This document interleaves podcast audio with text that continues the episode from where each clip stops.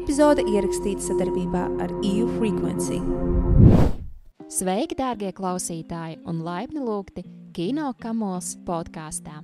Es esmu Krista Klentaka, šī podkāsta vadītāja. Katru nedēļu mēs kopā ar kādu īpašu viesi tīsim kino kamolu, lai dalītos savos iespaidos un sajūtās par sev mīļu filmu vai seriālu. Mēs diskutēsim par stāsta līnijām, aktieriem, vizuālo noformējumu un, protams, šo darbu ietekmi uz mūsu dzīvi. Tātad, iekārtojies ērtāk, paņem sev iecienītāko uzskodu un iegrimst kopā ar mums kino kamolu pasaulē. Sagaidi aizraujošas sarunas, jaunus atklājumus un cerams kaudzi iedvesmas. Esiet sveicināti kino kamola otrajā epizodē, un pie manis šodien ciemos ir Paula Dunderē. Čau! Čau! Un šodien mēs runāsim par seriālu Riverdēlu, kurš ir radies no Arčija komiksiem, un starp citu Arčija komiksiem ir jau 84 gadi. Wow. Nu, kā sākās tavs stāsts ar Riverdēlu? Nu, bija 18. gads, un uh, tikko arī bija Riverdēla, man šķiet, jā, iznācis pirmā, pirmā sezona.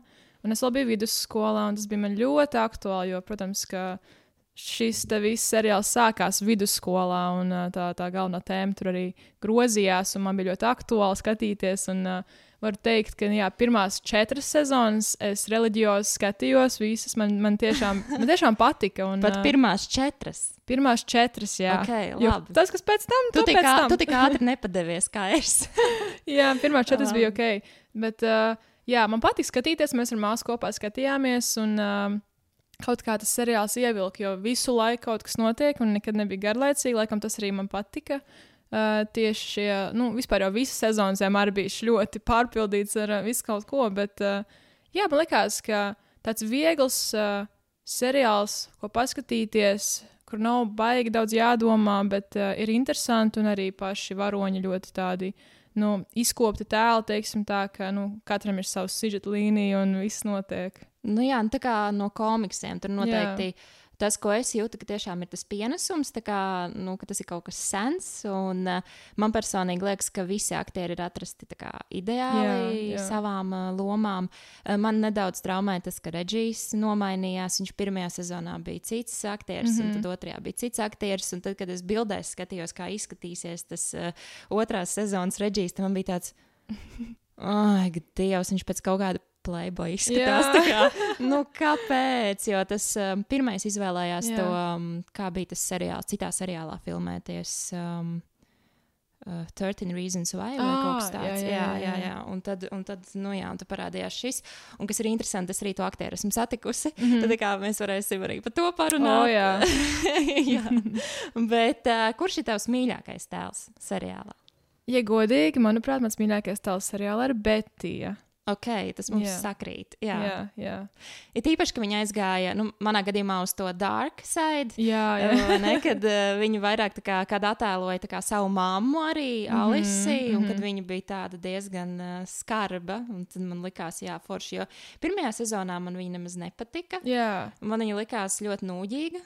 Jā tur nebija nekāds sāls tam visam klāts. jā, īsti, nu, jā. vispār. un uh, Veronika man nekad nav patikusi. Mm, jā, es varu saprast. Jā, Jā, man arī viņa komiksos nevisai patīk. Jā. Jo es nezinu, es tam tēlam nemāku just līdzi. Laikam. Iespējams, jā, tāpēc, ka tas tēls arī. Tā kā tev vienā brīdī gribās just līdz Veronikai, un kaut kas notiek. Bet tad viņa pilnībā viss sagriež 360, tad ir tāds, ko? Nu, Tā kā tu gandrīz, es gandrīz jau biju kā pieķēries tev kā tēlam, un tad, jā, tu kaut kādā kā uztais, nezinu, prikoli tādi, ka, nu, viss, nezinu, kā lai. Tas droši vien tāpēc arī, ka viņa ir ļoti privileģēta. Jā, jā, jā. Un, uh, pieņemsim, Šerila arī tāda ir, bet man viņa labāk patīk. Mm -hmm. Un uh, pirmajā sezonā viņa bija arī tāda, kāda viņa ir komiksos. Jā. Savukārt ar otro sezonu jau bija skaidrs, ka viņai arī interesē sievietes. Mm -hmm. Un, un tas ir pilnīgi kaut kas cits, kas ir komiksos. Mm Mhm, -hmm, jo komiksos viņai ļoti patīk Arčijs, viņa yeah. pat koķetē Džahedu, un viņa ir tā kā. Man liekas, viņa bija tik spēcīgs tēls tajos komiksos, ka, ja viņa Riverdēlā būtu tāda, kāda viņa ir komiksos, tad viņa vienkārši ar savu personību apēsta gan Betiju, gan Veroniku. Jā, jā, jā. Eh, Tāpēc viņai vienkārši bija jāieņem šī uh, cita orientācija.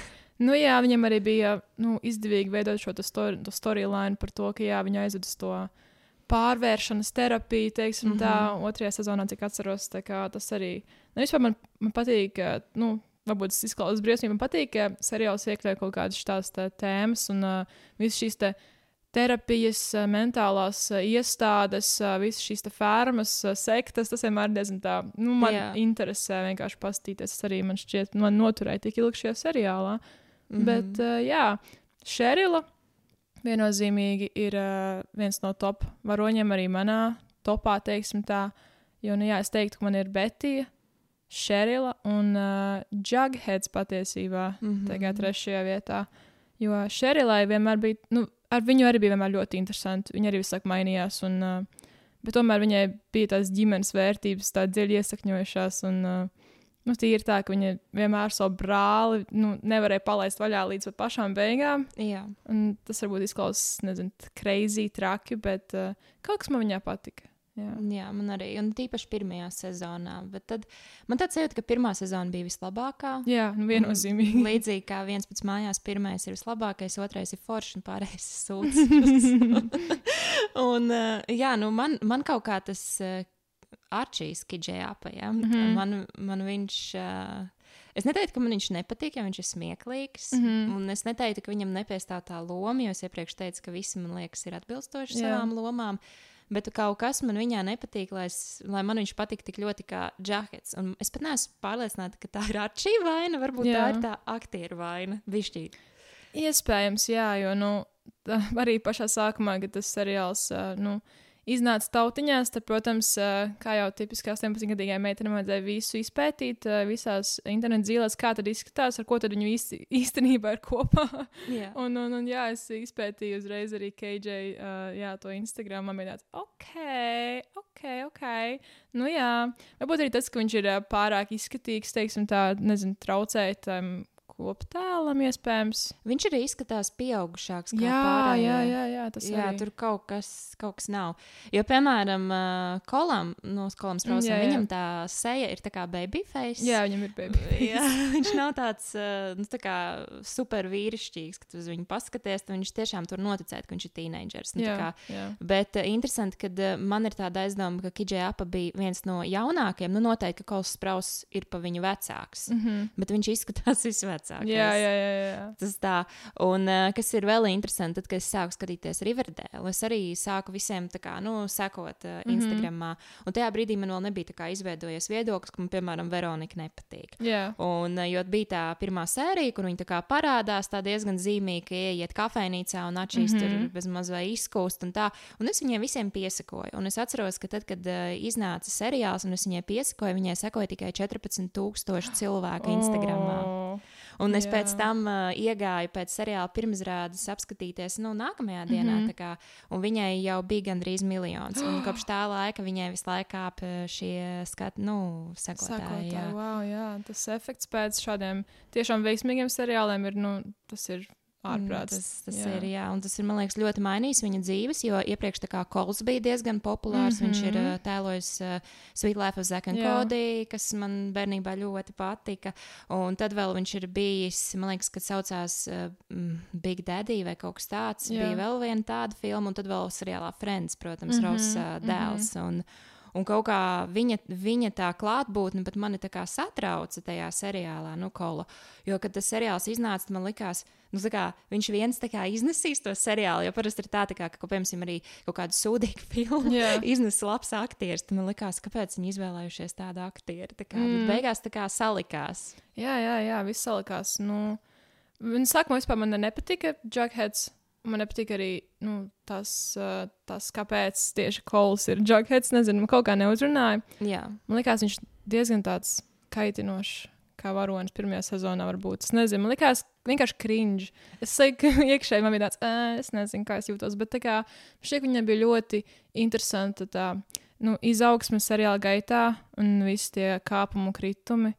Un īpaši arī tas, nu, vispār viņa, viņa varonim palīdz tas, ka viņa tētis ir arī ļoti tāds, nu, episks tēls Tēls, visā jā. šajā seriālā. Tā kā Tas arī noteikti iedeva asumiņu arī viņam, man šķiet, kas man arī uzreiz ieintriģēja vairāk tieši Jugheadā. Mm. Nu, man viņš sākumā nepiesaistīja ar to, ka viņš likās tāds rītīgi tāds. Uh, Grumpy un Jā, tāds. un jā. tā kā nevarēja saprast, kāpēc viņš ir tāds, kāds viņš ir. Bet tad, kad es sapratu, kāpēc viņš ir tāds, kāds viņš ir, tad jā, es varu teikt, ka Džahets un Betija un Šerila viennozīmīgi mīļākie tēli. Agrāk arī Džaheda tētis, bet par to uh, nu, īstenībā varam parunāt tagad. Es, Jā. uh, es to aktieri arī satiku. Es Mhm. devos, var cikot, uz Arčikonu. Arčikons uh, notika Briselē, un viņu rīkoja KLZ events. Un tā firma, diemžēl, bankrotēja Oh, no. pēc vairākiem gadiem. Bet uh, tieši Arčikons viņiem bija viens no vissliktākajiem pasākumiem, kāds viņiem bija bijis. Uh, biļetes tika izpirktas, man šķiet, ka labi, ja 40%, varbūt Oi. 50%. Un es vispār brīnos, ka viņš vispār notika. Notika, jā. Uh, Jā, bet tādā ziņā es jutos diezgan privileģēta, jo pat cik bija krietni mazāk cilvēku, kā ir standarta kaut kādos šādos pasākumos, tad uh, es tā kā sajūtu to aktieru klātbūtni vēl vairāk, kas man ļoti patika. Un, uh, nu, tur tas viss ir tā, ka tu ierodies, tad tev ir tā kā sēdvieta, kur tu sēdēsi. Manā gadījumā bija pati lētākā sēdvieta, mm. -hmm. ja es nekļūdos 70. 5 eiro, nu kaut kas tāds, nekas, Jā. nekas dramatisks.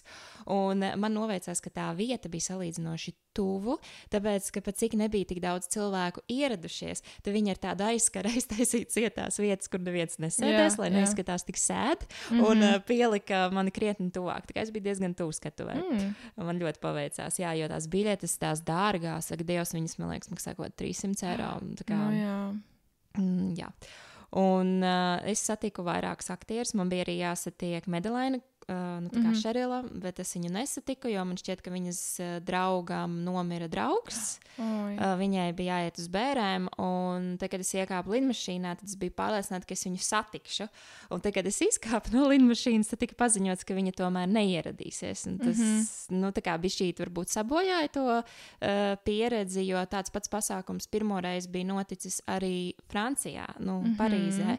Un tur būtu bijusi Betija un Džahets un vēl vairāk tādi ikoniskāki tēli, mm -hmm. bet Šerilēna tā kā nebija eh, plānots vispār tur būt. Un tad es izvēlējos to pasākumu, kurā viņa būs. Jā. Lai gan es pat biju nopirkusi biļetes uz to, kas ir Francijā. Mm Mhm. -hmm. Es viņu tā kā tā uf, palaidu vaļā.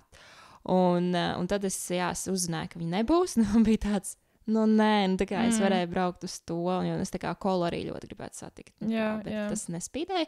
Un tad tie, kurus es satiku, bija Reģijs, um, tad uh, Josija, Mhm. uh, Džakeda tētis, um, Tonija Topaza, un tad vēl bija Betijas tētis. Ah, jā. Un tas aktieris, starp citu, man liekas, ka viņš ir filmējies mazāk epizodēs, bet viņš ir filmējies ap 50 epizodēm Riverdēlā. Wow. Jā, man liekas, tā kā, ka nu, viņš tur bija šī tur kaut kur kaut kas, bet nē. Kopumā ir 130, neatceros cik, bet 130 kaut kas epizodes, un viņš ir 50 epizodēs. Jā. Bet kā es reāli atceros viņu tikai tajā konkrēti viņa sezonā, sauksim to par viņa sezonu vismaz. Vai? jā. Jo, jā, es, nu, ok, viņš bija arī pašā sākumā, bet uh, Pašā beigās viņš arī, jā, Jā, arī jā. bija. Nu, tad kaut kā salasījās. Jā. nu, gan jau, jā. Nu, jā, un bija arī jābūt uh, Šerilai, un bija arī jābūt uh, Kevinam, bet mm. -hmm. uh, viņš nebija. Un bija pat moments, kad bija jābūt Kijai Apa. Mhm. viņš, viņš atteica.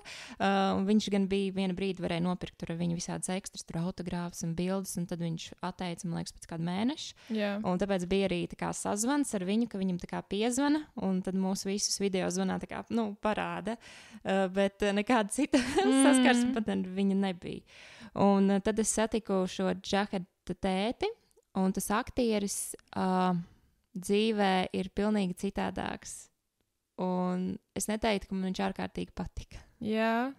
Viņi, vārdu sakot, Briselē bija ieradušies. eh, Pirmajā dienā mēs visi reģistrējām savus biļetes, fotogrāfijas, autogrāfus un vispārējo, tāpēc mm. -hmm. mēs viņus nesatikām. Un otrajā dienā sākās pats pasākums, un viņš ilga kopumā divas uh, dienas. Un trešajā dienā, kad viņi ieradās, viņi bija iepriekš pabalējuši uh, Beļģijā un uh, iemalkojuši Beļģijas salu. Mm. -hmm. Un, uh, diemžēl uh, šis aktieris bija pamatīgi piedzēries. Un, uh. nu, nebija, kā, nebija tik dramatiski, kā, ka viņš nevarētu noiet taisni, bet nu, tas izskatījās apmēram tā, ka uh, viņam bija uh, kepons Jā. galvā, un tā seja likās nedaudz tāda uzpampusi. un Es pat teiktu, ka tās acis īsti nerādīja taisni, un tas izskatījās diezgan traki. Pa ne, viņam pa nelaimi otrajā dienā bija fotografēšanās ar viņu. Nu, jo tur bija sadalīts, kad ir katra Jā, jā. fotografējas. Un, ja, piemēram, pirmās dienas kopīgajā fotografijā viņš bija tā kā fresh un viss bija ok, tad uh, otrās dienas viņš jau bija tāds. Jā, tā kā pēc roķenes, es teikšu, pie sestdienas rītā pēc roķenes tā kaut kas vēl jādara. un Tas vienkārši dan ārprāts. Bet nu, tas ir, tas ir traki, kā viņiem nav sodi par to. Viņiem, vai viņiem nav lī- līgumā atrunāts, ka nu, tu nedrīkst tur dzērt un nedrīkst uzsēties. Bet, nu, Es nezinu, bet kas bija vēl trakāk? Nu, labi, tā kā faniem ir par to vienalga, bet manuprāt, kas bija vēl trakāk, kad uh, tam aktierim, kurš savukārt tēloja Reģiju, viņš pazaudēja savu pasi tajā vakarā. nu nē, nu oi. Un viņam nedēļu bija vēl jāuzturās Beļģijā, lai viņš varētu lidot atpakaļ uz Ameriku. Ak, dieniņ, šausmas, tas ir briesmīgi. Jo, nu, pirmkārt, papildus izdevumu, otrkārt, viņš iespējams palaid garām kaut kādas savas svarīgās lietas. Jā, jā. Tas ir vienmēr briesmīgi. Bet, nu, nē, es klausos, ka viņi visi kārtīgi pabalējās. Jā, Jā, tas bija diezgan. jā nu, tas ir diezgan tas, nu, labi, ja tu nemaksāji 300 eiro par šo pasākumu. Tad būtu vispār skumīgi. Bet, uh, Tāpat tās izklausās ļoti tā, nu, Nu, tāpat tās es maksāju tā kā par tām fotografijām. Jā. Kas manā gadījumā notika, man bija nopirktas fotografijas ar medalainu. Mm -hmm. Man liekas, ka divas. Un tad man bija nopirkta fotografija, kur ir tā kā medalaina un um, viņas tā draudzene. Un tad mēs tā kā bildētos arī tā kā trijotā. Jā. Un pat cik viņas nebija, tad man iedeva to iespēju bildēties ar visiem kopā. Un tā bija tā kā pati dārgākā fotografija. Ah, tā maksāja, man liekas, kaut kādas 150 vai 180 eiro. Mm -hmm. Un tad sanāca, kad es dabūju to fotografiju. Mm -hmm. Tad es vēl dabūju atsevišķas fotogrāfijas ar tiem tēliem, kā, kurus es izvēlējos. Jā. Uh, un kas vēl, vēl bija pasākums, par kuru bija jāmaksā, kā, kur ir tādi galdiņi, kur par, pie katra galdiņa ir 15 cilvēki. Jā. Galdiņi kopumā, nu, tik cik ir tie viesi, uh, kas ir nopirkuši to biļeti. Un tad pie katra galdiņa piesēžās aktieris, un viņš kaut kāds, nu, nezinu, tur uh, minūtes, desmit, varbūt pat tās 15, uh, runā par tevi interesējošiem jautājumiem. Tu vari viņam visu kaut ko pajautāt. un Tas tu- ir forši, Tas bija rītīgi cool, un tas bija tas, kā, ko es dabūju Mm mm -hmm. gan sev, gan arī savam draugam. Mm -hmm. Mēs gājām divi tā, un tā bija tā kā, nu, it kā medalē neatbrauc, un tas bija stulbi, bet es dabūju visādas tā kā ekstras, kuras es nebūtu dabūjusi citādāk. Jā. Jā, forši. Nu, jā, bet uh, vai tu esi vēl kaut kādās reizēs satikusi kādus aktierus? jā. O, jā, tev būs jāapstāsta. es, es esmu satikusi Vampire Diaries aktierus. Uh, tur noteikti būs uh, atsevišķa Jā, jā, epizode. jā, jā. No tiem vispopulārākie bija Stefans un Karolaina. Mm -hmm. Jā, tā kā es esmu satikusi, un Pauls Veslīs man nepatika, bet, jā, bet to jau, Par to jau nākamajā reizē. Jā, tā kā man liekas, ka tas, kāpēc vispār ir vērtīgi aiziet uz šādiem pasākumiem, starp citu, arī Polijā ir šāds pasākums, kas ir vairāk kā, nu, tā kā, nezinu, kad rāda filmās, kad iet uz kaut kādu tur komiksu konvencioniem un kaut ko tādu. Tad Tur ir tā, ka no visādām filmām un seriāliem mm -hmm. un no komiksiem ir visādi tēli, un tur sabrauc visādi aktieri. Piemēram, no Gossip Girl bija tas, kas Čaku tēloja. jā. Un tas notiek uh, Polijā, un jā, es iemetīšu linku, jo šobrīd viņš aktīvi notiek katru gadu, un tas mm -hmm. ir pietiekami tuvu. Tā uh, Varšavā aizbraukt un to izbaudīt. Man vēl tā kā nav sanācis. Esmu tikai bijusi uz Arčiju, uh, Arčikonu un uz uh, Vampire Diaries, kas bija Bloody Night koncijām. Mhm, mhm. Nu, jā. Te es pauzītu. Tā es pauzīju, jā, bet um, es tūlīt izstāstīšu, kāpēc man liekas, ka vispār bija baigi vērtīgi tos aktierus satikt. Uh, tas bija tādēļ, ka tad, kad tu dzīvo kaut kādā savā burbulī, tad tev liekas, ka visi tie aktieri ir baigās, uh, varbūt zvaigznes. Nu, piemēram, manā gadījumā es esmu intervējusi arī dažādus cilvēkus Latvijā, un man nav šī nu, zvaigžņu sajūta. Man ir tā kā cieņa, bet man nav tā, ka man rokas kājas trīc un gribas raudāt vai kaut kas tam līdzīgs. Es to ļoti labi saprotu. Uh, jā, un uh, tad ar, ar tiem aktieriem man arī tā, tā nebija, par ko es biju pārsteigta, ka man nu, vispār tā kā. Pf, Jā, bet, uh, Ok, ja būtu Šērila, tad varbūt tas būtu bijis. Varbūt, citādāk. varbūt būtu citādāk. Un tīpaši, ja tas būtu bijis kols, tad tas būtu pilnīgi citādāk. Oh, jo pat cik bērnībā es skatījos uz kā Zaku un Kodiju, tad tas būtu nu, jā, ļoti forši. Bet uh, tā sajūta ir tāda, tu viņus satiec, tur viņiem parunā, tu uzzini, kāda viņiem ir izglītība un zināšanas, un tad tu saproti, ka īstenībā tu vienkārši esi piedzimis Latvijā. Tev vienkārši ir šeit uh, tādas, tādas iespējas, kādas tev ir, mm -hmm. tādi plašumi, kādi viņi ir, un vienkārši viņi ir atkal piedzimuši citur. Un tā, tā, tur nav, es negribētu teikt, ka nav nekāds sakars ar talantu, jo talants jā, jau viņiem ir. jā. Bet, nu, piemēram, ā, šis pats um, Džaheda tēvs, ar kuru es runāju, viņš nezina pilnīgi nevienu valodu. Viņš zina tikai savu angļu, jā, Jā, nu, amerikāņu jā. valodu. Uh, un arī viņam nav tur baigais, tur, uh, nu, cik es atceros, izglītības tāds backgrounds.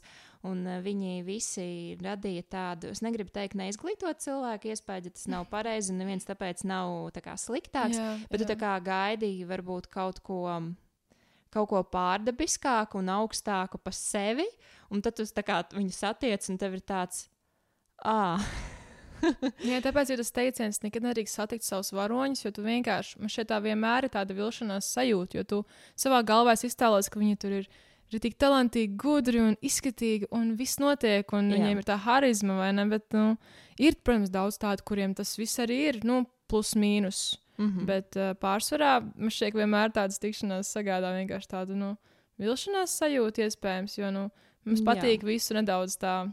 Uzlikt uz piedestāla nedaudz vairāk nekā realitāte ir. tā jā. ir, tā ir. Un, Mhm.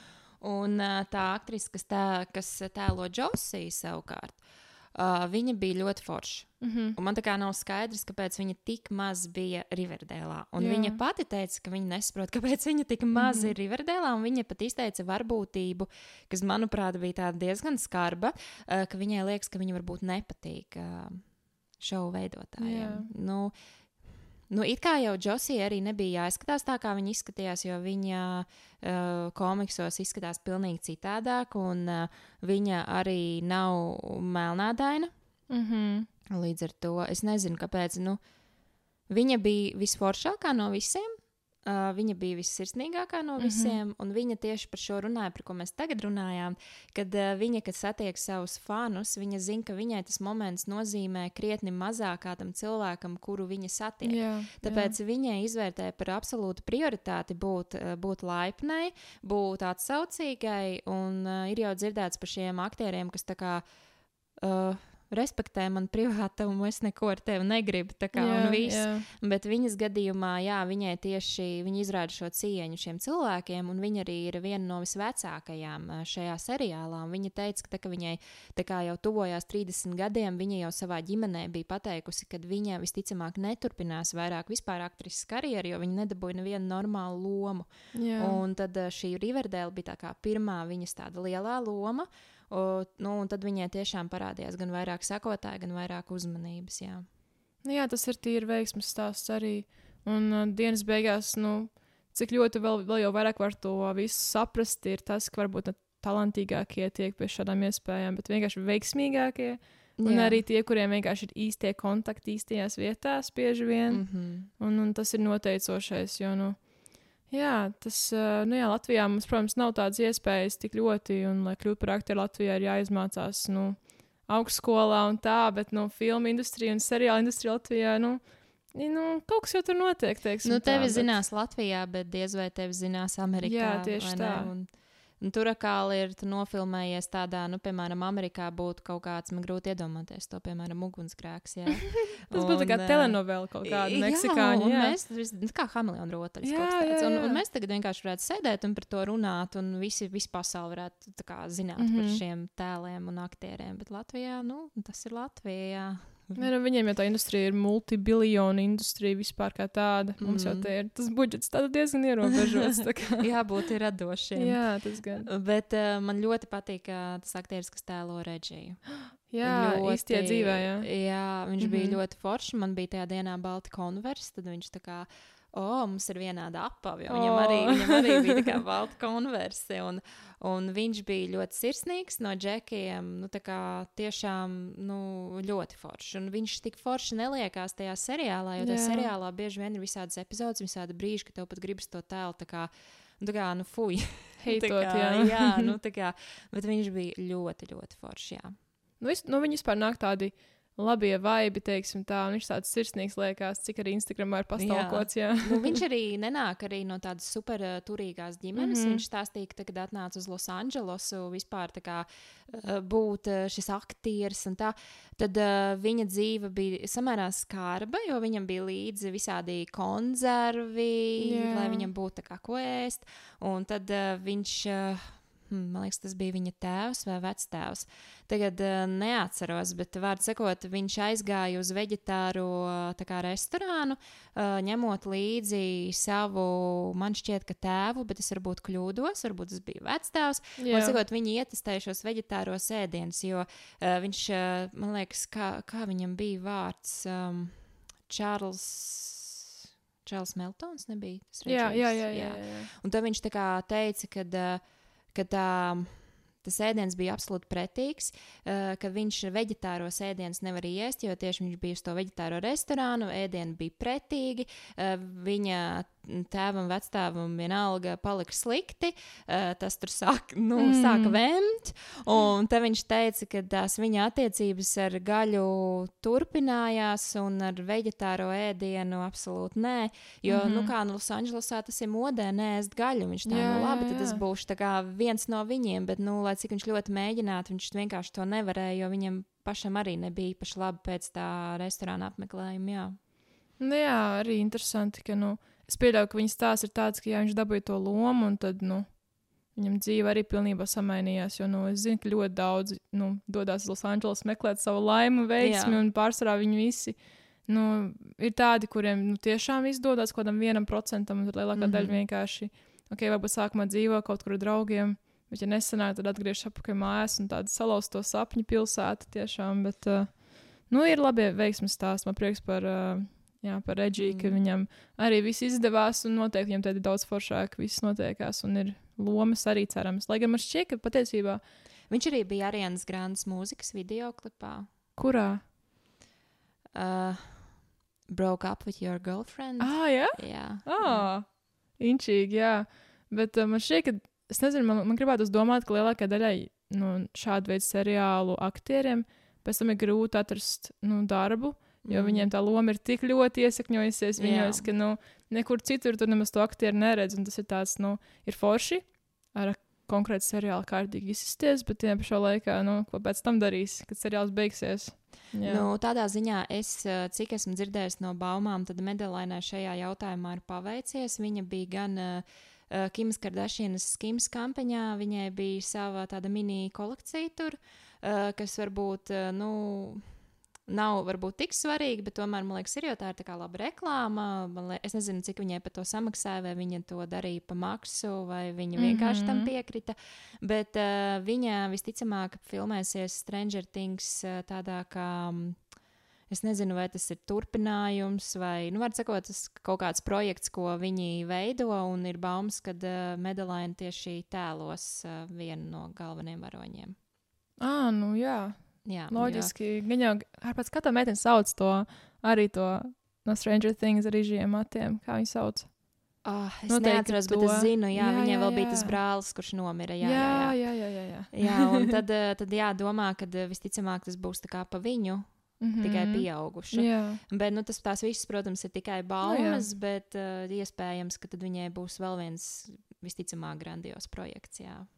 Nu, jā, jo nu, tas būtu forši. Bet, es ne, jā, ko, ko vispār pārējie dara aktieri? Tas tā kā pasakojas līdzi, ko pārējie dara. Nu, Lilija Reinhārta izdeva grāmatu. Mm -hmm.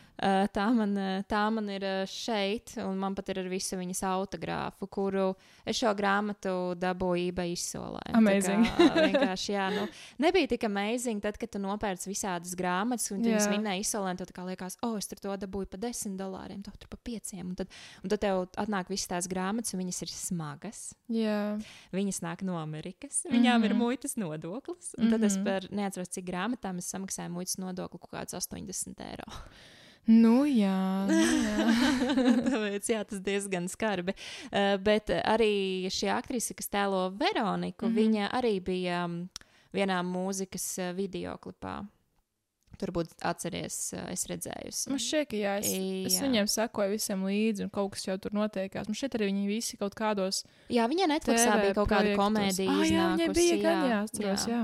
Mhm, kur bija tā aktrise vēl no uh, troņu spēlēm, mm -hmm, Sofija mhm. Tērnera, laikam, jā, Jā. jā. Sansijā.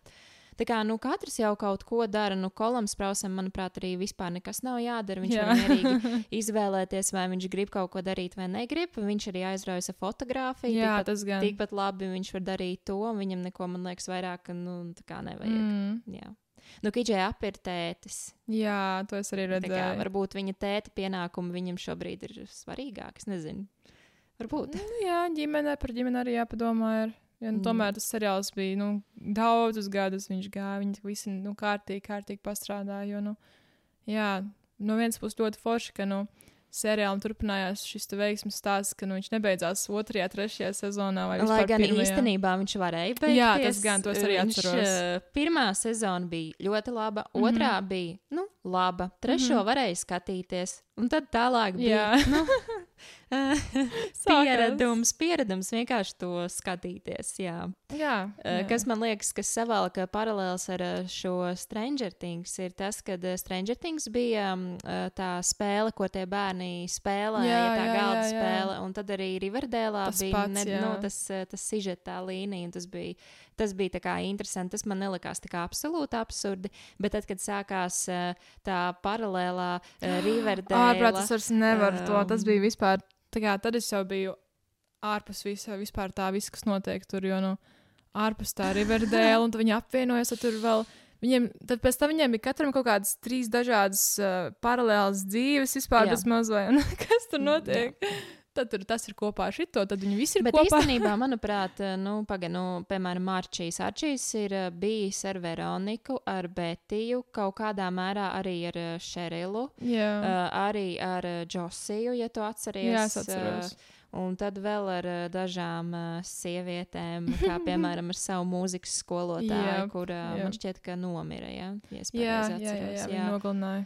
Un tāpēc uh, tas ir vēl viens iemesls, kāpēc man nepatīk Arčīs. Jo, piemēram, viņam kā vīrietim tas tiek piedots, jo viņš ir vīrietis, bet iedomāsimies viņu kā sievieti. Jā. Un, ja sievietē būtu bijuši sakari ar tik ārkārtīgi daudz vīriešiem, tad uh, mm. -hmm. viņa visticamāk uh, Nebūtu netiktu- pilsētas varonis. jā, jā, tā kā diezgan, jā. Un kas man likās jocīgi, bija arī, ka Džakadam bija neliels sakars arī ar Veroniku. Jā. Nu, nekas tāds, bet, nu, tomēr, tā kā, bet Džakadā kaut kā, kas man tā kā vispār, nu, tā kā, nē, man tā kā patika tā kafejnīca, kur viņi gāja Jā, ēst. jā. Um, kā, kā sauc to īpašnieku? Bija Paps. tāds, jā, un viņam Jā. bija, laikam, mazmeita, jā. Mhm. Un tad Džekets sagāja kopā ar to meiteni. Un kas man tā kā, es neteiktu, ka man baigi patika, kad Veronika bija kopā ar Arčiju un kad Betija bija kopā ar Džahedu, jo tas sākumā bija forši, bet pēc Jā, tam pēc galīgi, tam jau. pēc tam galīgi garām. Bet tomēr man nepatika tā Džaheda savienība ar to, um, ar to kafejnīcas Jā, īpašnieku jā, jā, mazmeitu. jā. Jā, nu, tā kā, tā kā nē. Bet um, kas man patika, bija Arčijas ar Betiju. Jā, es pilnībā piekrītu. Jā, ārprāts. Man, es jau no paša, kā, paša sākumā jau viņi to ietīzoja, ka, nu, Jā, ik pa laikam jā, jā, jā. nedaudz. Ik pa laikam, jā, Mm. viņiem tur visu laiku bija tāds on and off. Tā kā ir, kaut, kā, kaut kāda skatiena, kaut kā viens par to aizdomājas, kad otrs, piemēram, ir tiešām attiecībās, vai nu tā kā ik pa laikam tas tā kā tā simpātijas. ļoti interesanti, jo, nu, varbūt tā, tā nebūtu tā viena, viena īstā mīlestība, bet, nu, laikam jau, nu, lai gan grūti saprast, jā, beigās jau tur nebija nekā, bet, uh, Nebija gan, jā. jā. Nu, tu esi redzējis pēdējo sēriju. Jā, es noskatījos pēdējo sērijas. jā, jā, jā tik Zini, daudz. savā ziņā viņa bija tāda, nu, tāda diezgan, diezgan jauka sērija. Bija, nu, man, man, pat- man patīk, ka viņi tiešām par katru varoni būtībā nu, izstāstīja to viņa Mm. stāstu, kas notika. Un, Jā. jā, un tas, ka Betija pēdējā palika dzīva, un ah, tāpēc es mīlu. Betiju, nu, izdzīvotāju. Bet, uh, Jā, tā pēdējā sērija bija tāda, nu, iekustinēja kaut ko manā sirsniņā. Tomēr, nu, zin, kā, man bija tāda milzīga pieķeršanās šim seriālam. Vismaz, nu, trīs gadus, nu, tās trīs, Jā. četras sezonas. tā Kā, jā, bija forši. Nu, vispār eh, viņš ir no 17. līdz 23. gadam. Jā, jā, jā, jā. Ko tu domā par, par uh, pēdējo epizodu? Es arī uh, pagodināju šo seriālu ar savu klātbūtni pēdējā epizodē. Jā, Jo nu, es atzīšos, ka uh, mēs šo seriālu skatījāmies kopā ar manu draugu. Mm. -hmm. Vispār. Pirmo sezonu mēs skatījāmies tā, ka mēs gaidījām katru sēriju. Jā. Mums tas bija kā, svarīgi. rituāls. Jā, Jā, tas bija, tas bija mūsu rituāls. Jā. Un tad bija otrā sezona, kuru mēs arī nu, skatījāmies. Mm. -hmm. tad, tad, man liekas, arī pēc tam bija tas Arčikons. Tad bija trešā sezona. Kuru mēs arī skatījāmies, un tad bija tās pārējās. Es viņu vienkārši nemocīju, un viņš tā kā. Es jūtu, ka nu, man besīja muzikālās epizodes. Jā. Jā. Es, es no piecu gadu vecuma dziedu. Jā. Mm -hmm. Es esmu bijusi nu, mūzikas pasauli izzinājusi cauri caurēm. Un, un tad ir tās muzikālās epizodes, un man nenormāli besīja. Un es domāju, ja man kā muzikālam cilvēkam besīja, cik ļoti viņam besīja to skatīties. jā, jā, jā, jā, jā. Un es viņu vairāk nemocīju, un tad mēs uh, mētām mieru pēc trešās sezonas. Es pastījos bišķīt vēl, bet nu, par to pēdējo sēriju, jā, es tīri intereses pēc, jo, lai gan es seriālu neturpināju tā skatīties no, no sērijas sērijā, mm -hmm. es tāpat Mhm. visu laiku uh, gāju YouTube un es skatījos, kas tur ir noticis. Jā, nu, tā kā, recap, jā. kur tā kā pa, pastāst par epizodēm, kā, kas katrā bijis. Man patika tās pašas beigas. Man patika ļoti tas, ka Bētī bija nosaukusi savu mazmeitu mm. -hmm. Alises vārdā, kas jā, man likās jauki. uh, ļoti, ļoti mīļi. Man patika pēdējā epizode, jo man viņa likās ļoti emocionāla, mm. -hmm. mīļa. Man patīk, kā izskatās Betija. Man liekas, ka ļoti atbilst. Turpat bija kaut kādas, manuprāt, kā līdzības. Nu, ja tā, tā kā aizdomājas, kā viņi varētu vecumdienās izskatīties. Mm. Un, uh, un jā, nu, beigas bija labas. Jā, man Kaut patīk. Tā, tā kā tādas visas sezonas būtu tik labas, Jā. tās beigas. Bet tā vienmēr ir visiem uh, seriāliem. Šeit tā pēdējā epizode vienmēr būs laba. Man arī patīk tas, ka Džekets atnāca pie Betijas un aizved viņu tajā ceļojumā. un Tas bija ļoti forši. Ka, nu, un tas, ka arī pašas, pašas beigas, ka viņi tomēr visi tie afterlife uh, bija kopā un vienkārši dzīvoja tajos savos uh, zelta gados, teiksim tā. Tas bija Jā. ļoti forši. Jā, man arī tas tā kā, man tieši patīk, ka tas laiks, ka parādīja tā kā, nevis tikai tās vecumdienas, bet arī, uh, kā lai pasaka, nevis mūsdienas, bet kā pirms vairākiem gadiem. Nu, bija kā Mhm. dažām epizodēm, kā, ka tur, piemēram, Betija dejo, un viņi speciāli tur rāda kamerē tur savus apakšbiks, nu, viņas vecākiem, kā ir tas uh, šovs, un tad viņi tur, jā, man, man tās pat patika, jo viņas bija vairāk tā kā komiksā, nu, tā kā. Jā. Nu, jā, tur redzi, ka šeit ir visdažādākie komiksi. Uh, Tātad uh, šie Šerils komiksi ir pavisam veci. Tas ir 96. gads, un viņiem tika izdot tikai ap 30 numuriem. Mm. -hmm. Un uh, man ir trešdaļa no šiem Mhm. visiem. Un uh, jāsaka, ka tās vecās ilustrācijas ir daudz uh, skaistākas. Es arī ielikšu video materiālā, varēs visu redzēt. Savukārt, uh, jaunajam māčī komiksam tās ilustrācijas ir absolūti nebaudāmas. mēs, jau uh, te paskatījāmies. aizkadrā skatījāmies, jā, un uh, man liekas, ka mūsdienās tie komiksi ir pārāk moderni. Jā. Un tie vecie ir ar savu šarmu, bet mm -hmm. tie Mhm. jaunie ir galīgi salīdzinoši nožēlojami. Uh, Tāpēc, uh, jā, nu, es atzīšu, ka es neesmu visus izlasījusi no tiem, kas šeit ir uz galda. Uh, Man bija vienkārši kaut kāds pirkšanas bums, un es viņus vienkārši sapirkos. Nav tā, ka viss ir izlasīts. Ir arī viens, kas vispār, kur ir um, Veronika ar Betiju, kaut kādi kā vampīri, kaut kāds Walking Dead variants, un tad ir arī tikai Džaheda komiks, un tad ir uh, Arčija, kā viņam nosaukums ir. Uh, pastīšos. Tā arī ir Arčīs.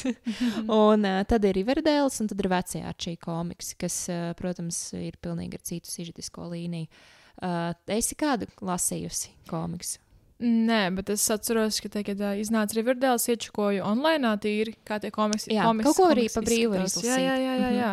kaut ko es paskatījos. Un, uh, jā, uzreiz arī fórumos visādos, uh, nu, fanu formos uzzināju, jā, ka cik ļoti atšķirās tas, Jā, kas ir ļoti. komiksos un tas, kas ir Riverdale. jā. Jā. Bet, nu, man liekas, tā galvenā atšķirība, mēs jau runājām, kad Sherilai lūk, ir šī uh, cita orientācija. Šerilas uh, komiks vispār iznāca uh, salīdzinoši īsu laiku, jā, jo viņi it kā esot pārāk seksīgi priekš bērniem. Mm -hmm. uh, izrādās, ka Džahets Arčī komiksos vairāk esot. Uh, Um, kāds ir šis modernais vārds aseksuāls, respektīvi, viņam neinteresē ne vīrieši, ne sievietes, viņam interesē tikai varbūt tas viņa sandvičs, ko viņš tur ēda. Jā. Nezinu, kas vēl. Uh, jā, un tad uh, man liekas, ka Džahedam arī komiksā ir suns. Ja es nekļūdos, jā, tāds balts. Uh, un, uh, jā, Arčīs, mēs jau arī par to runājām, guļ ar visiem pēc kārtas. Es nezinu, kā ir komiksā, bērnu komiksā droši vien tas ir diezgan abstrakti, bet īstenībā, ja palastos tos komikus tik daudz, cik es esmu lasījis, ar pieaugušā cilvēka domāšanu, tur var atrast daudz uh, zemtekstus, Jā, kas jā, ir jā. uh, nedaudz uh, vulgāri, tā maigi izsakoties. Mhm. Uh, Kurš, tavā, kurš tev bija tas lūzuma punkts, kad tu saprati, ka tev seriāls Riverdale sagādā lielāku vilšanos kā prieku? Laikam tajā brīdī, kad uh, jā, tā ferma sākās, man sākumā ļoti intriģēja viss šis stāsts. Mm -hmm. Bet jā, tur bija šie paralēli arī Arčīs sāka tur boxēties, un oh, viņš jā. bija cietumā. Un... Un viņam bija konflikts ar Veronikas tēvu, un Jā, tas jā, Veronikas jā. tēvs ir vienkārši the most disgusting man ever. Kā, uh, es vispār nesaprotu kā, to tēlu, nu, jo um, komiksos Veronikas tētis sadarbojas ar Reģiju, un mm. -hmm. viņš nu, kā īpaši negrib, lai Veronikai ir attiecības ar Arčiju. Tur ir kā, šis konflikts, bet viņš ir vairāk kāds, kā tāds protektīvs tētis. Jā, Un viņš nav kā kaut kāds mm, seksīgs meksikānis, uh, kurš ritīgi, jā, jā, jā. Un uh, viņš tur izskatās uh, daudz, uh, nu, kā mēs tēti varētu apmēram Jā, iedomāties. Jā. Un uh, man tas vispār, tas bija tas, kas man absolūti riebās, uh, bija tas, ka šajā seriālā. Uh, Daudz uh, varoņi, kuri ir pieauguši, viņiem ir arī, protams, problēmas, bet viņi ir ar ļoti izteiktām pusauģu problēmām. Uh, Veronikas tēvam šis uh, mačo kaut kādas, kaut kas, es pat nezinu, kas tas Jā. ir problēmas. Savukārt, Alise liekas, ka viņai dažreiz ir kaut kāda mentālajā breakdown, vispār nevar saprast, kas ar viņu notiek. Bētīs tēvs pirmajās sezonās absolūti uh, dīvaini bija tas, ka pirmā sezonā viņš bija normāls, un pēc tam viņš kā Mhm. pēkšņi kaut kāds slepkava, un tad seriāla beigās, kad ir parāda kā, nu, to si citu sižetisko Jā. līniju, tad viņš atkal ir normāls, un tas man arī nelikās jā kā ne? kopā. Un, um, starp citu, arī, um, arī šis uh, Džaheda tēvs, kurš uh, pēkšņi pazuda no seriāla, tas viss ir likumsakarīgi, jo tas aktieris vienkārši vairs negribēja tajā seriālā filmēties. Uh, ko es laikam arī saprotu, jo es pieņemu arī, ka viņš saprata, ka tas seriāls ir kļuvis nebaudāms. Un Šerils māte, kura. Es viņu vispār neizprotu, jo kā vienu sezonu viņa ir tāda, citu sezonu viņa atkal ir pilnīgi citādāka. Nemaz nenājot par to Omi, kur ir vienkārši superkrīpīgi. Jā, un es sāku domāt, vienīgais vecāku teiksim, tā tēls, kas man tiešām laikam visvairāk patika, bija Freds. Nu, tas ir pilnīgi loģiski. Ar šī un- māma arī bija ļoti Ar šī mamma arī, jā, bet mm. -hmm. tā, nu, tā no tādiem galvenākiem varoņiem, jā, Freds, un tik žēl. Jo man liekas, ka tas arī bija tas lūzuma punkts, te, kad uh, bija tā, tā bēru, bēru aina, Mm mm. un tā nu, noslēdzās reāli tā saprātīgā Riverdale daļa, bez mazliet. Īstenībā līdz ar Jā. viņa nāvi arī tur sākās pilnīgs uh, Jā, jā, jā, rausals. jā, jā. Es sāku pat domāt par to, ka pat cik viņa nāve bija nu, tāda negaidīta, jo nu, viņš tomēr varēja vēl diezgan ilgi Jā, eksistēt, mm -hmm. vai mhm. ne? Tad varbūt viņiem jau bija uzrakstīts tā, cits uh, scenārijs, un viņi vienkārši bija spiesti kaut ko mainīt. un Es nezinu, kādā afekta stāvoklī viņi izdomāja šīs izmaiņas. Ko bet- viņi lietoja? ko viņi, ko viņi lieto. Jo īstenībā, nu, piemēram, ja man jāsaka godīgi, ja man, piemēram, būtu bērni un viņi šo skatītos, nu, pirmkārt, es droši, ka ja man būtu dēls, viņš to neskatītos. Es šaubu. nu, tā kā mans draugs arī varēja izvēlēt tikai pirmās sezonas, un pēc tam viņš nevarēja paskatīties. Un, eh, nu, ja meita skatītos, tad man arī īsti nepatiktu, jo man liekas, ka tur vairākas lietas ir diezgan atžgārni. Mm -hmm. uh, nu, jo, piemēram, ja mēs paskatāmies komiksā, jā, viņā tiek uh, daudz kas nu, apspriests, kas varbūt varbūt ir no tādas pieaugušo pasaules, ja? bet um, viņš ir tāds, nu, neteiksim, kā full house, ja kā pilna māja, bet viņš ir tāds mīlīgs. Jā, tur tā lieta, viņi ir tādi mīlīgi, tie visi vecie komiks, un arī tas storylines ir, nu, Nu, jā, un es arī zinu, ka tagad uh, tiek filmēta cita versija, kas ir nevis Riverdēla, bet, ja es nekļūdos, tas bija uh, Arčī seriāls, kur uh, kas ir eh, nevis amerikāņiem, nevis britiem, bet uh, kaut kādai citai rasei, kur mm -hmm. man šķiet, ka Betija ar Veroniku pat ir viena matu krāsa, kas absolūti nav. Yeah. bet, uh, bet tur vairāk ir šis old schoolīgums. Man gribas redzēt, kādu viņi Jā, to ne? ievirzi. Kā, uh, bet, uh, jebkurā gadījumā tos, tas seriāls, manuprāt, varēja būt vēl uh, labāks viņam vajadzēja būt labākam, kāds viņš bija. Viņš jau bija labs, jo visa pasaule kā, sekoja līdzi, bet īstenībā man liekas, ka lielākā daļa no mums sekoja līdzi kā, aiz cieņas pret savu laiku, kas mm -hmm. tika ieguldīts mm -hmm. tajā, skatoties šīs pirmās, nu, daudz maz baudāmās trīs, varbūt rastītas sezonas. Un tad pārējais bija vienkārši tāds kā pieredums. Jā, vai ne? Tas gan jā.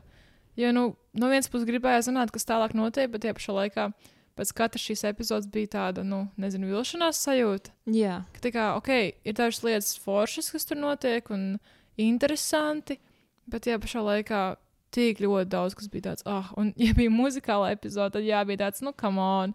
Jo, zini, kā muzikāls epizodes man šķiet bija jautri tikai pašiem aktieriem un tai komandai. Es pat neesmu pārliecināta, ka viņiem bija pārāk nu, jā, jā, jā. Eh, zini, bija dažas dziesmas, kas man, piemēram, patika. Nu, kaut kādas, ko mēs esam dzirdējuši rādio, kaut kādas modernas dziesmas, kas mm -hmm. citreiz, piemēram, Veronikai bija šis bārs, un tad citreiz tur jā, kādam bija, bija forši, jā. kāds priekšnesums, un tas bija nu, ļoti ok. Bet tad ir tās epizodes, kur tā kā high school musical stāv tikai priekš pieaugušajiem, un man liekas, ka pieaugušajiem nevajag nekādu high school musical tas piestāv tikai Broadway, un es negribu mm. Netflixā to skatīties, man nevajag. Jā, īpaši, jā, nu, ok. Jā, es varu paskatīties mūziku, man patīk skatīties tādus, tādus epizodus, bet vienkārši jā. visā Riverdēlas konceptā neiet klāt.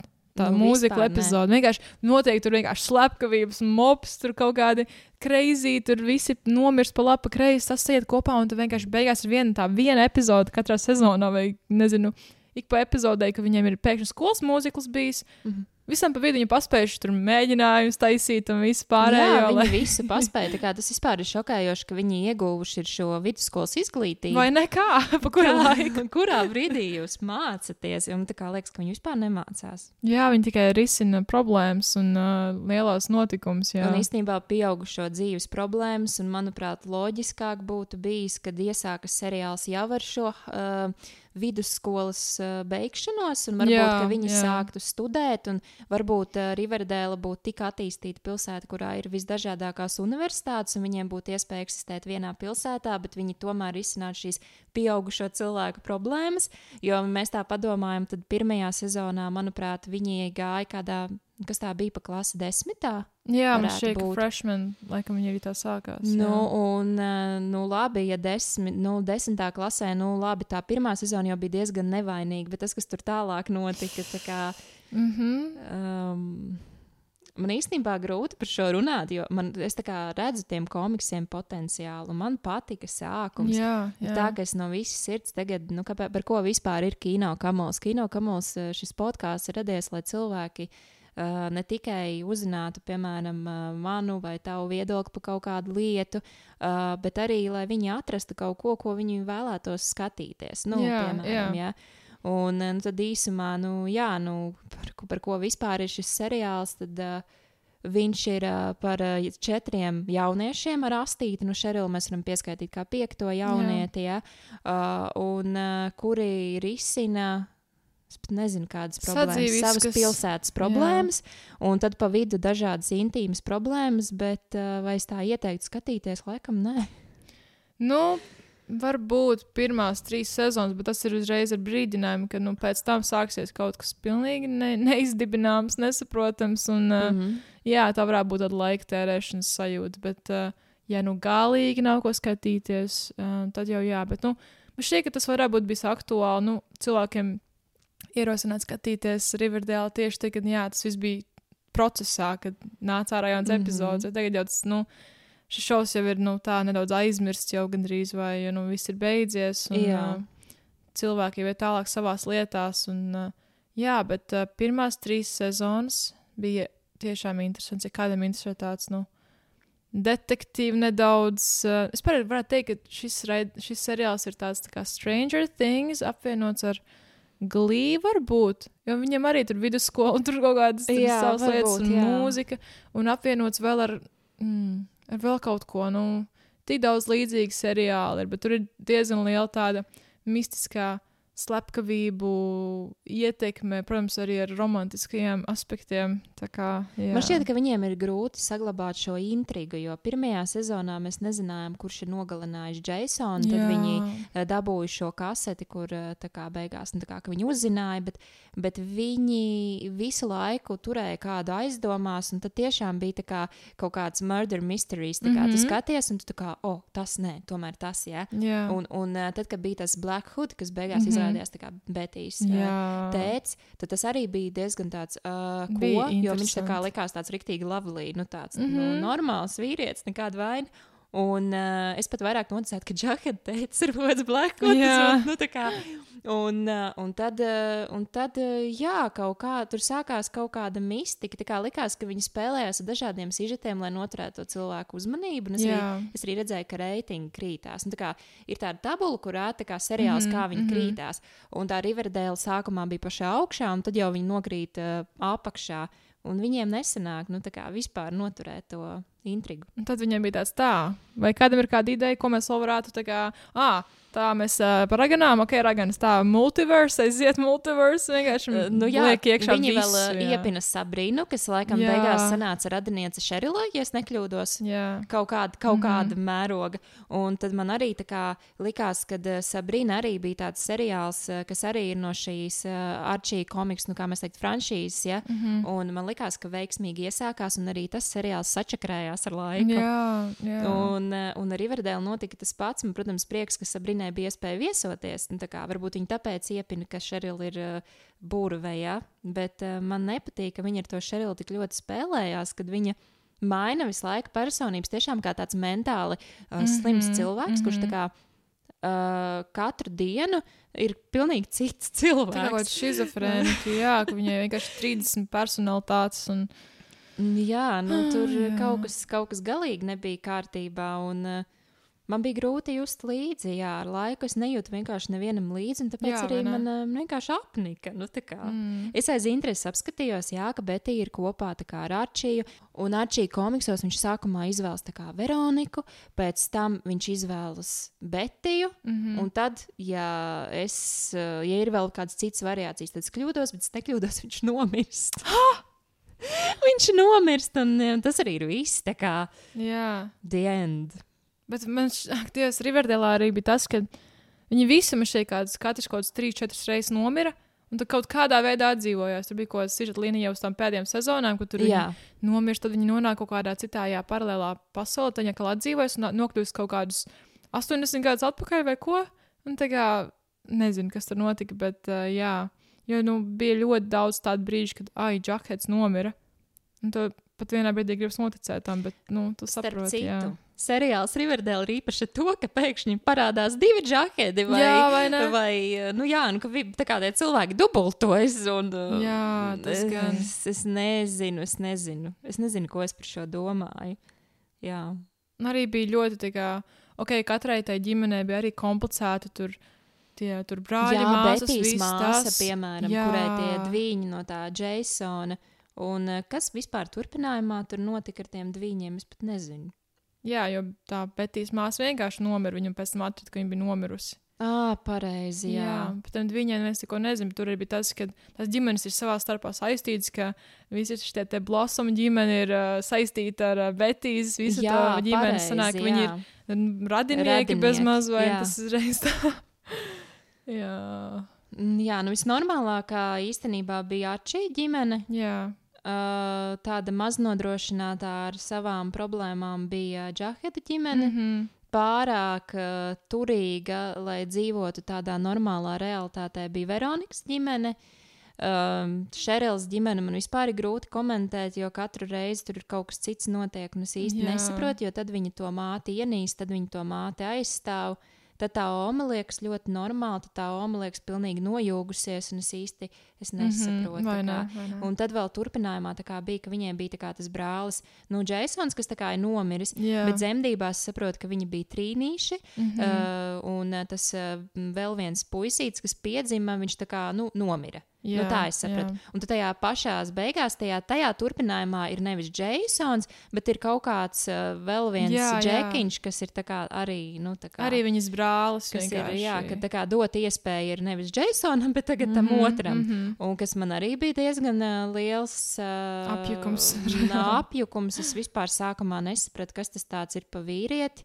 Mhm. Un tikai pēc tam es sapratu, ka viņš ir tajā ģimenē. Ja? Mhm. Un, uh, nu, jā, tās ģimenes, nu, Betijas, ja Betijas ģimenē nebūtu uh, šis uh, tēvs slepkava, Jā. tad vispārējais būtu absolūti normāli. Nu, kā, Nu, jā, nu, man, protams, man ļoti patīk arī tā māma vispār. Alice ir bomba, jo viņa arī bija tāda ļoti interesanta. Tā tēla izaugsme, tad viņa bija nu, tipiskā māma, tad viņai bija tur kaut kas ar vienu tur cilvēku, tad viņa aizgāja vispār uz serpentiem. Tur, Man parā, patika, ka parādīja kā Betiju jaunībā, nu, Jā. tā kā Alisa jaunībā, bet uh, tā bija tā cita Betijas versija. jā, jā, jā, uh, jā. Kuru mēs iepriekš nebijām redzējuši. Viņa beidzot izkāpa no tā nūģiskuma. Mm -hmm, Un mm -hmm. tāpēc tam arī pati Betija kļuva nedaudz uh, tāda stilīgāka. Jā, jā. Jo viņai visu laiku bija kaut kādi vienkrāsaini džemperīši, Nu, svārki. ļoti vienkārši. jā. Copīt, nu tāda ļoti vienkārša meitene. kā Mm. Nekas, nekas absolūti tur stilīgs nebija, ko no viņas paņemt. nekādas Jā, vai ne? Mm. Uh, es tev parādīšu fotogrāfijas. O. jā, viņas uh, izliks uh, video versijā uz ekrāna. Bet jā, es esmu dabūjusi autogrāfu tātad no Betijas tēta. Man ir O. autogrāfs. Jā, tas ir veltīts man un manam draugam. Uh, tad, uh, protams, arī Džaheda tētis. Starp citu, šis aktieris absolūti ienīst to, kad uh, viņu salīdzina ar Džoniju Depu. Nopietni. Jā, viņš, jo citi pat internetā saka, ka viņš ir lētā Džonija Depa versija. no viša. Jā. No viša, jā, un viņam tas ārkārtīgi nepatīk. Un bija smieklīgi, ka viņš otrajā dienā saviem faniem deva iesaugs, un viņš bija atcerējies manu draugu, un viņš manu draugu sauca par uh, savu juristu, nu, dēļ mana drauga profesijas. jā. Uh, kas nu nav gluži jurists, bet nu, uz to pusi, tad viņš tā kā uh, iesauca manu draugu par savu juristu. Uh, tad, protams, arī uh, O. autogrāfs. Ārprāts, kāpēc es šajā podkāstā aizmirstu, kā sauc Šerils otro pusī? Tonija. Tonija, ok, labi. Un tad, protams, arī pašas fotogrāfijas, kuras es video versijā iemetīšu uh, un parādīšu, tās ir samērā daudz. Un pati galvenā, manuprāt, un man pati mīļākā fotografija ir tā fotografija, kur mēs esam. Uh, kur es esmu ar uh, visiem uh, šiem O. aktieriem. Uh, jā, nu, tā man tā ir pati mīļākā. Bet, um, jā, es viņus atstāšu tev, vienkārši mm. -hmm. iedošu tev. Uh, bet, um, nu, jā, par to Riverdēlu. Uh, Es nezinu, nevienu cilvēku, kurš ir iesācis skatīties Riverdēlu un kurš ir tā viennozīmīgi noskatījies katru sēriju, mm. sekojis līdz Jā. katrai eh, sezonai. Un, uh, nu, tādi, tādi cilvēki īsti es tiešām nevienu nezinu. Jā, jo arī mana māsa, kur mēs kopā iesākām skatīties, viņa ilgāk skatījās. Viņa tik līdz, līdz kaut kādiem šeit piektajai, varbūt sastajai sezonai, bet arī tad, nu, Wow. jā. Tas ir daudz. Tad jau Jā, jāpabeidz jā. skatīties. Bet uh, viņai bija tas, ka viņai arī jau viss tur sāka sajūt kopā, un, un, un viņa vienkārši to seriālu fonā bez mazliet uzlika un darīja savas lietas. Es vienā jā. brīdī nesapratu, kā vispār, kas ir kas, vai es vispār varu uzskatīt, kā skatītājs, ka tas pirmais posms ar to parasto Riverdēlu, kā ar mūsdienām, no Apple telefoniem un viss, vai tas ir tā kā pa īstam bijis, mm. -hmm. vai arī ka mums rāda šo pagātni, tas ir pa īstam, vai arī šī paralēlā Riverdēla tomēr ir tā īstā versija. Jā, vai ne? Jo kur ir teikts, ka tā pirmā ir tā īstā? Varbūt kāda no šīm visām versijām ir eh, īstāka par pārējām, bet kura tad tā ir? Vai ne, vai ne? Tas arī. Man liekas arī, ka tas seriāls noslēdzās uh, tāpēc, ka viņi saprata, ka, ja viņi turpinātu, tad viņiem būtu jāiet lielā kaunā, un tie cilvēki vienkārši uh, jau publiski pateica, ka viņi to neskatīsies. Un starp citu, ir tāda Instagramā lapa, kas ir um, e-news, tā kā e-news. Mhm, jā. Un uh, tur, uh, tur runā par šo seriālu. Citreiz, piemēram, ieliek kaut kādu uh, nākamā epizodē, tur kaut kas, nu, piemēram, kaut Jā, kāds. jā. Tur, un tad cilvēki kā, komentē, kad viņi to sūdi jau vairs neskatās. un, uh, un arī tad, kad beidzās šis seriāls, un bija ielikts, tā kā, nu, kad ir beigas un tā, un es vēl sekoju ieradumu pēc uh, Riverdēlas Instagram lapai, mm -hmm. Mhm, mhm. tad tur bija ielikts tā kā. Ak, mans dievs, viņš vēl turpinās. Tā kā, un tad tādi komentāri, paldies Dievam, vairs to nerādīs. Jā. Un Jā. to rakstīja nu, jā, cilvēki, kas es pieņemu, ka agrāk skatījās to Jā. seriālu. Jo, nu, kāpēc tad viņiem laika joslā kā izlaiž tik daudziem šis posts? Jo man arī bija tā, ka, nu, sanāk, tā, kad es beidzu skatīties, es pilnībā aizmirsu par Riverdēlas eksistenci, tik cik sakoju nu, Mm -hmm. dažiem aktieriem Instagramā, un es redzu, ka viņi tur kaut kāds Halloween. Man ļoti patīk tā, kā tā meiteņu trijotne, ka viņas, viņas vienmēr uz Halloween tur sapucējās kopā. Tas bija viss, ko es zināju par Riverdēlu. Kaut kāds epizodu, epizodu bildes bija ielikušas un tā. Mm -hmm. Bet uh, es pat nezināju, ka viņa bija beigusies. Es uzzināju tikai tā, ka jau bija iznākusi pēdējā epizode, un tāds, oh, Riverdale beidzās. Ah, Ah. ok. Nu, es dzirdēju, jā. ka viņa tā kā beigsies, un tad es vienkārši redzēju, jā, 23. gads ir pēdējais. Varbūt varēja ātrāk, varbūt viņiem bija izdevīgi turpināt. Es domāju, muzikālās epizodes tikai finansiāli iemeslu pēc tika taisītas. Mm. Jo, ja zini, ir tāds veikals Urban Outfitters, un tur varēja Jā. nopirkt arī eh, mūzikas diskus. Mm -hmm. Un loģiski tas viņiem vienkārši bija izdevīgi. Jā, jā, jā, jo nu, tur jau ļoti labi nopelnīt ar tādām epizodēm. Jo reāli cilvēki arī būtībā klausās kā, to visu. Kaut, Jā. kaut kāda daļa klausās tās visas dziesmas un viņu, viņu tieši izpildījumā. Jo man ka arī bija tā epizode muzikālā, kur viņiem bija tas mūzikls Heathers, un tas ļoti aizgāja Mm. trendā. Jā, Jo visas meitenītes uzreiz, tas man šeit arī tikto kā aizgāja, visas šīs dziesmas uzreiz mm. izsitās. Un tas noteikti ir ļoti palīdz būstot uh, naudiņas visam raidījumam. Nu, jā man, man liekas, jā, ka tie vienkārši bija kaut kādi mārketinga triki, kāpēc bija tā, kā bija. Bet, jā, nu, man liekas, ka šis ir seriāls, kas ir bija liela potenciāla un kas Mhm. savā ziņā ir liela vilšanās. Uh, tāpēc arī varbūt ir grūti par to runāt, jo es pilnīgi atceros to savu sašutumu, kad tur sākās tas viss bardaks. Un, jā. uh, un tas, kad Šerila pēkšņi nodarbojas ar kaut kādām burvestībām, man liekas, ka viņi pat varēja atdzīvināt cilvēkus. Vai, jā.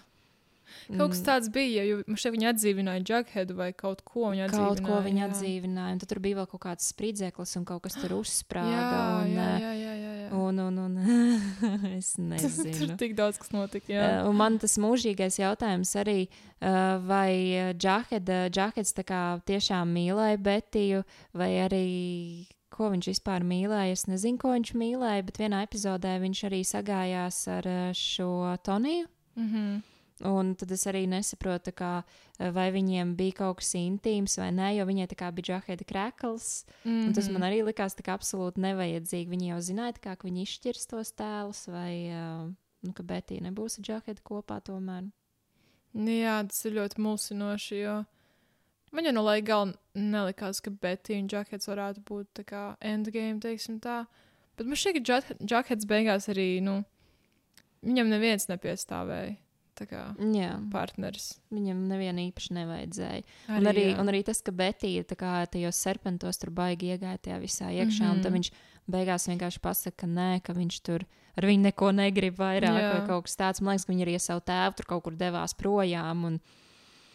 Nav, nav tā kā nekāda romantiskā sižeta īstenībā. Visi ar visiem ir uh, pārgulējuši, visi ar visiem ir bučojušies. Un, Jā, bet nav, tā, nav, nav tās īstās, nezinu, mm -hmm. mīlestības sajūtas, ka tiešām viņiem ir lemts būt kopā un viņiem ir jābūt kopā. Nu, jā, tu, Jā. tāpēc Betija ar Arčiju arī liekas tā kā visloģiskākais. Jā, jo jā, visu jā. laiku ir kaut kas bijis iepīts ar viņiem abiem, un viņai viņš ir sākumā ļoti paticis. Viņa Mm. beigās saprot, ka viņam tā kā viņa arī patīk. Un tas man liekas visloģiskākais pāris. Un neliekas loģiski, ka viņa vecumdienās tomēr nebija ar viņu kopā. Bet, nu, varbūt, um, var jau būt, ka tur ir kaut kāda loģika, kas, ko mēs vienkārši nezinām. Jā, tas gan, jo nu, arī likās, kad jau viņi bija, tagad jau viņi, tagad, tad, kad jau viņi bija vecāki, arī viņi tur tur Veronika apprecējās ar kaut kādu to čalīti. Bet jā. viņai reģijas piestāvēs. Jā. Reģis viņai ļoti piestāvēja. Tas gan, Jā. tas bija labs, jā. Mm. Jo Arčīs viņai īsti. Mm -mm, man Jā, šķiet. jo komiksos ir pilnīgi cits vibes. Komiksos liekas, ka viņai piestāv vairāk arčīs, un tas režīs ir uzspiests, bet īstenībā, manuprāt, tieši tas režīs viņai piestāvēja. Jā, jā, jā. Un eh, man, man liekas, ka, ja es nekļūdos, tad viņi pat dzīvē bija kopā. jā, es atceros, tas arī bija ļoti Jā. interesanti. Jā. Jā, un tad, eh, protams, arī Lilija Reinhārta bija ar kolu kopā, mm Mhm. -hmm. un uh, tur arī nekas labs nesanāca. Un, uh, nu jā, man liekas, ka tur, nevienam nekas ar nevienu tur nesanāca, kas tur bija mēģināts. jā, nedomāju, cik grūti ir uh, turpināt tās daudzās sezonas. Es par to esmu jā. domājis. Kā, ja tur kāda esi kopā un tur viņi izšķiries, un tev, piemēram, ar viņu atkal tur ir jāskopstās un jātēlo, ka tev viņš baigi patīk. Ja? Tā kā, kā tu to vari izdarīt? Ne, nu, tur izceltas tā, ka, piemēram, uh, tu studē vai strādā kopā ar uh, kādu sajūtu kopā ar šo cilvēku, un ir forši, un jūs darbā sākat tiekties, tad jūs izšķiraties, un tev jāiet tāpat uz to darbu, ir, un jāredz cilvēks katru dienu, jāredz kāds cilvēks, varbūt ar kādu citu, jūs sajiet kopā un Jā. tādā garā. Tad, tad vispār ārprāts. Jā, nē, nē, nē. Tāpēc labāk uh, neesat kopā ar kādu, kuru jums jāpavada daudz laiks kopā ikdienā darbiņā. Bet kas ir tās izmaiņas, kuras tu, tavuprāt, būtu glābušas šo seriālu? Man šķiet, ka šim seriālam pietrūka vairāk cilvēcisko emociju tā kā, at attainošanas, teiktu. Mm. Nu, tiešām tās mīlestības sižets vairāk, tas, ka nu, kaut kas tur patiesi notiek. Um, mazāk konspirācijas, šīs te visas uh, no, mm -hmm. notikumi, kur, jā. Jo man patīk, ka, jā, kā tu teici, tas te slepkavība notikumi, ka, nu, meklēsim teikt, Bet kurš viņi ir bija tas. reāli, nu, tā kā CSI vai jā. kaut kas tāds, bet tad, kad viņi kļūst absurdi un kāds var atdzīvoties Mhm. pēkšņi, tad atkal nomir. Tas ir tā ļoti dīvaini. Tas, jā, nu, un, uh, jo, nu, tā robeža starp uh, seriālu par, nu, tiešām jauniešiem un viņu dzīvi, kas šķiet reāli, pilnībā pazuda, tad, kad sākās mm -hmm. visi šie gargoyle, gar, gargoyle kings, pat nevar izrunāt to vārdu, un visi šī Nu, te... tas tāpat kā es nevaru izrunāt, ka es gribēju teikt, Riverdale rādīja tādā kanālā CV. Kas? CW. CV. CV, vai ne? Nu, jā, un man šķiet, ka, ok, jā, narkotikas arī ir tēma, par ko kā, viņi varēja runāt, un jā, viņi arī runāja, bet uh, Jā. tikko kā tiek ie, ie, iejaukts viss tas pārdabiskais, man šķiet, ka jā, vai nu viņiem vajadzēja no paša sākuma pieturēties pie tā, ka tā ir kaut kāda maģiskā pasaule, vai arī mm. Mm -hmm. viņiem vajadzēja palikt pie tā, ka problēmas galvenās ir tas, ka ir slepkavības, narkotikas, eh, attiecību problēmas. Un, Un, uh, īstenībā, ja bija šie serpenti, tad jau varēja arī būt Jā, šīs jā, jā, narkotikas. jau tā kā, lieta. kāpēc tas nu, tā kā netur, ne, nu, bija jau kaut kāds sižets par tām narkotikām un par to pārdošanu. Man liekas, ka tur bija kaut kas sākumā. tur ne? bija, jā, jo Tur parādījās kaut kāda sieviete, kas bija tāda super nešpētna. Nu, viņai mm -hmm. tur Mhm. kaut kas nepatika. Mm. -hmm. Jā. Jo arī, nu, arī pašā sākumā Jasons jau arī, viņš jau arī bija serpentos un bija drug dealers tikai tāpēc, lai uzturētu poliju. Viņi Ā, gribēja nu abi divi aizbēgt Pareizi, projām. jā. Jā, un tā jau tas viss bija. Bet, nu, jā, ka tā galvenā problēma ir tāda, ka nevajadzētu to mistisko jau kopā. Jo arī, piemēram, tā pati sekta, tā arī ir reāla problēma. Un tas sižets Mhm. arī ir kaut kas tāds, kas jau pas, pasaulē noticis. Bet, nu, vai pasaulē noticis tas, kā atdzīvina cilvēks ar maģijas palīdzību? Es pieļauju, ka nē, bet lai gan mēs jau neko nezinām.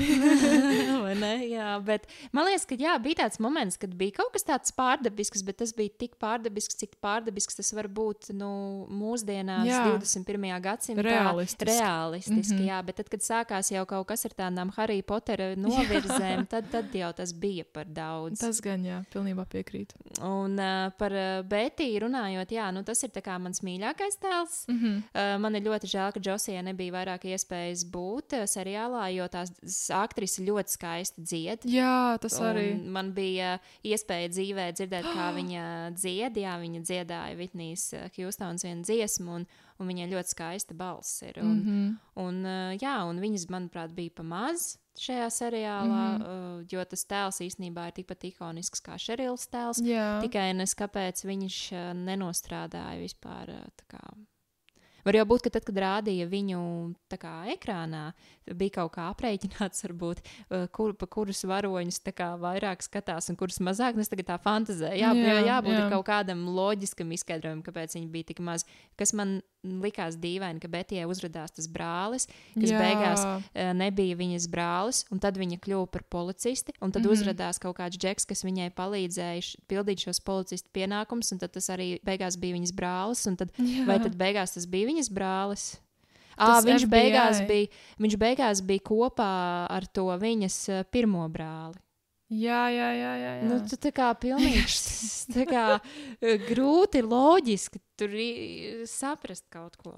nu, ideja gan jau nav bijusi slikta par to, ka tur ir tādas intrigas visādas apakšā bijušas, bet, nu jā, saprast ir grūti, īpaši, ja tie varoņi ir tik daudz. Un tieši katrai ģimenei ir līdzīgs sižets, ka tur ir tāds, tur tas ienāk iekšā, tad tas tur izdara šito, un mm -hmm. tik daudz varoņu, kur jāatcerās.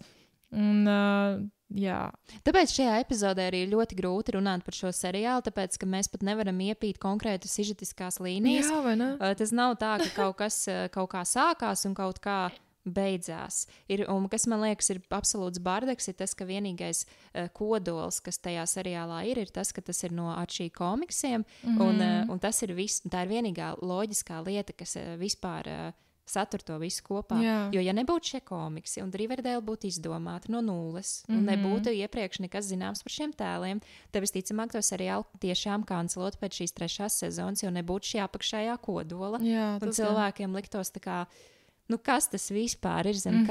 kāda, eh, zem kādām tiešām narkotikām vielām vai kaut kādu citu Kaut lietu kādām, jā. eh, veidā ir vispār kāds izdomājis šādu scenāriju. Manuprāt, um, es nezinu. Jā. Tad, atskatoties ātri uz Arčikonu, tā tad FP bija super piedzēries. Jā.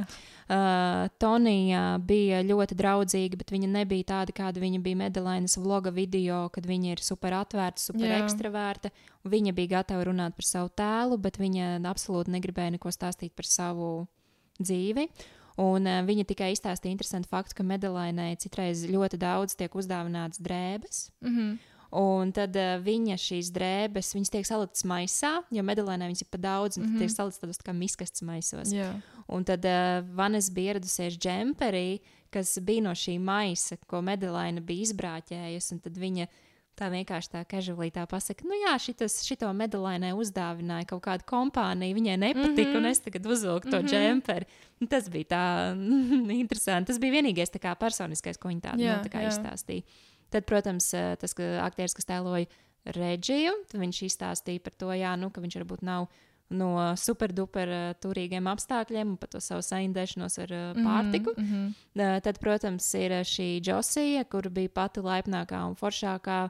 No, es pat teiktu, no, nu, jā, no, nu, viņa bija foršāka par, par uh, Toniju. Jā. Jā. Viņa arī stāstīja, ka viņai ļoti patīk iepirkties Haunem veikalā. Mm. Tad viņa Beļģijā to tiešām izbaudīja. Mm. -hmm. Un ši, tad uh, šis Betijas tētis, viņš starp citu arī bijis seriālā Amulets. O, es mīlu to seriālu. Jā, viņš tur tēlojis, Jā. ka viņam tur kaut kāds, tajā sižetā kaut kāds tur diviņu brālis, un tad mm -hmm. viņi tur kaut kādi Mhm. laikam sliktie ir. Mm -hmm. Un tad viņam arī ir ā, jauna filma, kurai tā aktrise, kas tēlo Sabrinā.